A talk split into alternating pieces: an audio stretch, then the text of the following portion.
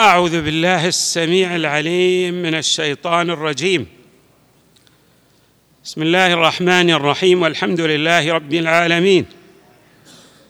والصلاة والسلام على أشرف الخلق سيدنا ونبينا محمد وآله أجمعين الطيبين الطاهرين. قال الله تبارك وتعالى في القرآن الكريم من ذا الذي يشفع عنده إلا بإذنه؟ صدق الله العلي العظيم. بينا فيما سلف شطرا من الروايات الواردة في الشفاعة. وقلنا إن هذه الروايات جاءت على طوائف منها ما يشير إلى شفاعة النبي. صلى الله عليه وآله وأنها الشفاعة الكبرى ومنها ما يشير إلى شفاعة القرآن ومنها ما يشير إلى شفاعة العالم وأيضا أسلفنا الشفاعة الواسعة والكبيرة للصديقه الزهراء عليها السلام لكونها قد وردت في الروايات كموضوع مستقل. الروايات التي جاءت وردت هكذا. هناك شفاعة للنبي صلى الله عليه وآله وهناك شفاعة لأهل البيت عليهم السلام. وفي بعض الروايات هناك شفاعة لعلي عليه السلام. وفي طائفة من الروايات هناك شفاعة للصديقة الزهراء عليها السلام وقسم من الروايات وردت في شفاعة أهل البيت صلوات الله وسلامه عليهم أجمعين بنحو عام. سنشير إلى هذه الطائفة من الروايات.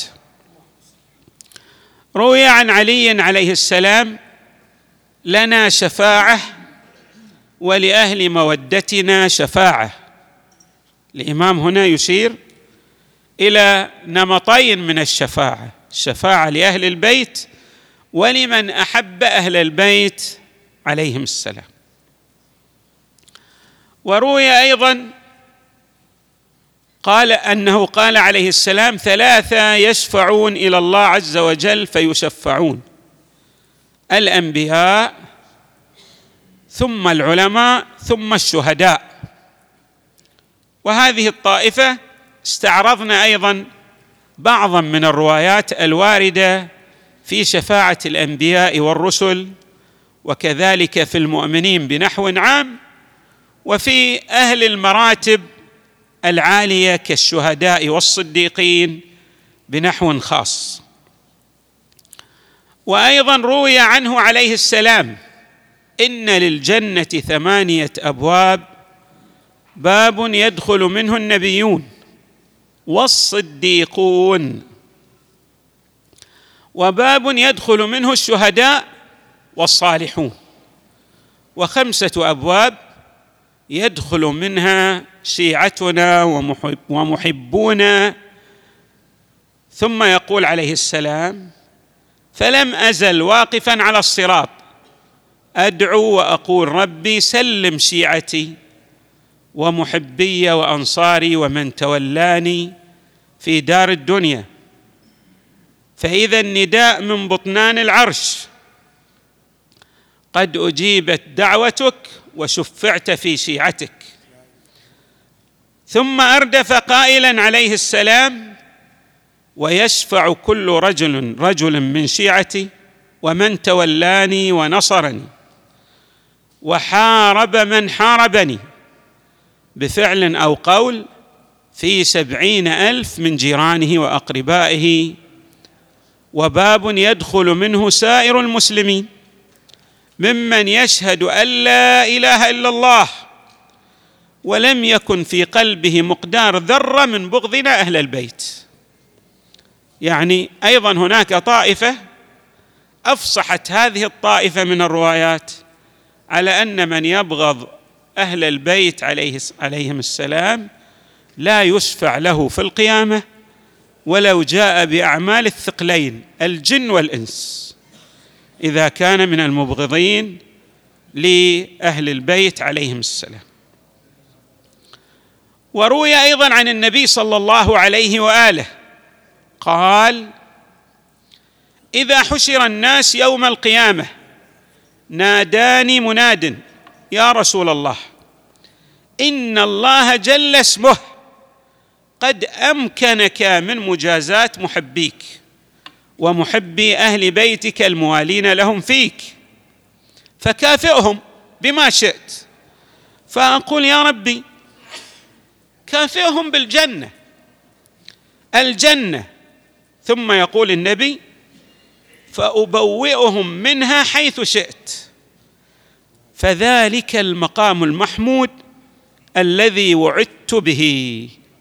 أشرنا أن المقام المحمود هو الشفاعة الكبرى والنبي صلى الله عليه وآله يدرج قسما من الشفاعة الخاصة للمحبين له صلى الله عليه وآله والمحبين لأهل بيته الذين ستكون لهم شفاعة مخصوصه منه صلى الله عليه وآله.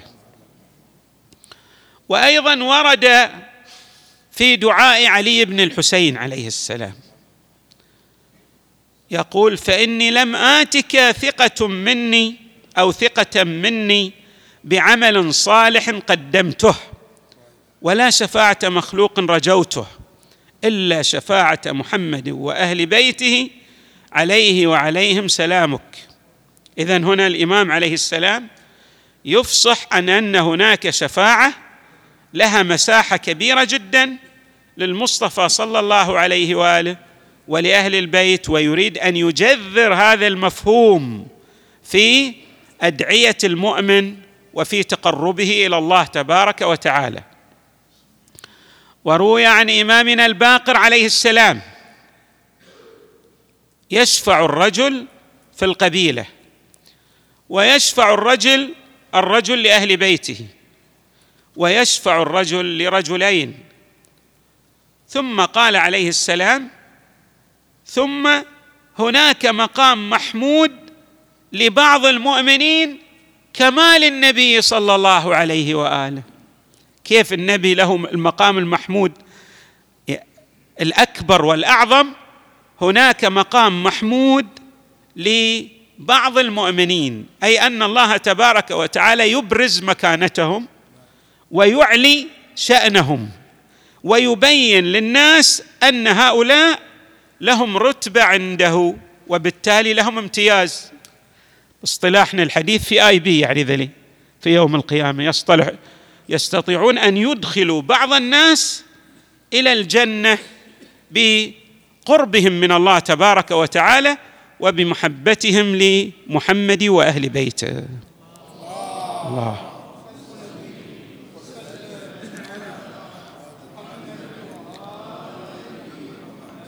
ولهذا يقول الإمام الباقر فذلك المقام المحمود أي لهؤلاء المؤمنين الذين وصلوا إلى مكانه في قربهم من الله وفي محبتهم للمصطفى صلى الله عليه وآله ولأهل بيته عليهم السلام.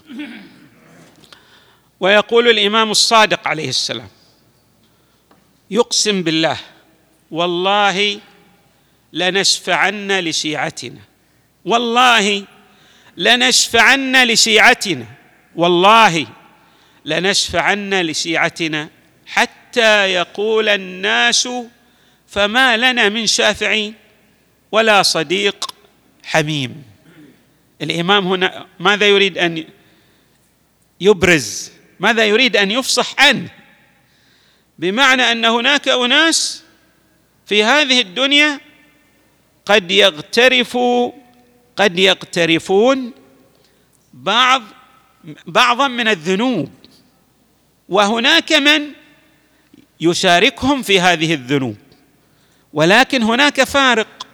الفارق هو المحبة للمصطفى صلى الله عليه وآله ولأهل البيت. فيرى الناس أن من شاركهم في بعض الذنوب والمعاصي مع ذلك اجتاز عقبات القيامة ودخل الجنة بهذا الامتياز وهو المودة للمصطفى صلى الله عليه وآله ولأهل بيته الطيبين الطاهرين.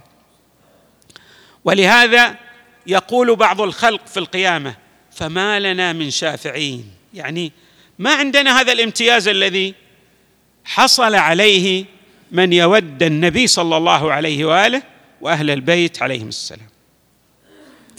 وأيضا رواية أخرى عن الإمام الصادق عليه السلام. إذا كان يوم القيامة بعث الله العالم والعابد.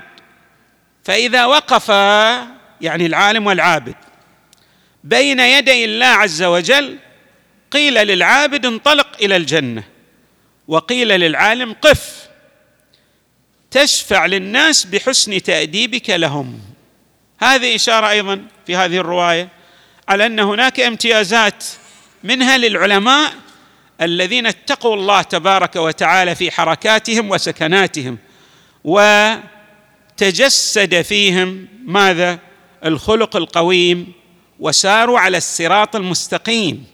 هؤلاء لهم أيضا مكانة يمتازون بها حتى عن العباد الذين انصهروا في بوتقة العبادة ونحلت اجسادهم أجسادهم باعتبار أن هؤلاء قاموا كأدلاء للناس على الصراط المستقيم وبالتالي فمن استفاد من علومهم يشفعون له كما جاء في هذه الرواية.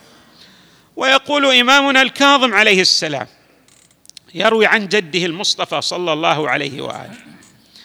يبين فيه المكانة السامقة والرتبة العالية لشيعة أهل البيت عليهم السلام. يقول عليه السلام لا تستخفوا بفقراء شيعة علي عليه السلام. فإن الرجل منهم لا يشفع بعدد ربيعه ومضر. يعني هؤلاء الذين تجسد في قلوبهم المحبة لأهل البيت عليهم السلام وإن كانوا عاشوا ظروفا صعبة في هذه الحياة الدنيا من الفقر والامتحانات العسيرة نتيجة لمودتهم لأهل البيت عليهم السلام ولكن هؤلاء لهم رتب ومقامات سامقة في عوالم الآخرة. من جملة هذه الرتب الشفاعة لكثير من الخلق يعني لفئام من الخلق. ويقول إمامنا الرضا عليه السلام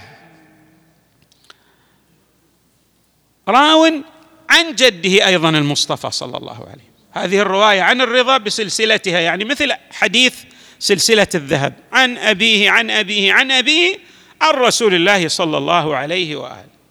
يقول النبي صلى الله عليه وآله اربعه أنا لهم شفيع يوم القيامة. المكرم لذريتي والقاضي لهم حوائجهم. والساعي في أمورهم عندما اضطروا إليه والمحب لهم بقلبه ولسانه. هذه رواية خاصة في من يحترم ذرية رسول الله صلى الله عليه وآله حبا لرسول الله ولأهل البيت عليهم السلام. هذا الحب والمودة له أيضا ماذا؟ اختصاص وامتياز في عالم القيامة. وروايات أخرى جاءت على هذا النسق وفي هذا الشأن. نسأل الله تبارك وتعالى أن يجعلنا مع محمد وآله البررة الميامين في الدنيا والآخرة. وصلى الله وسلم وزاد وبارك على سيدنا ونبينا محمد وآله أجمعين الطيبين الطاهرين.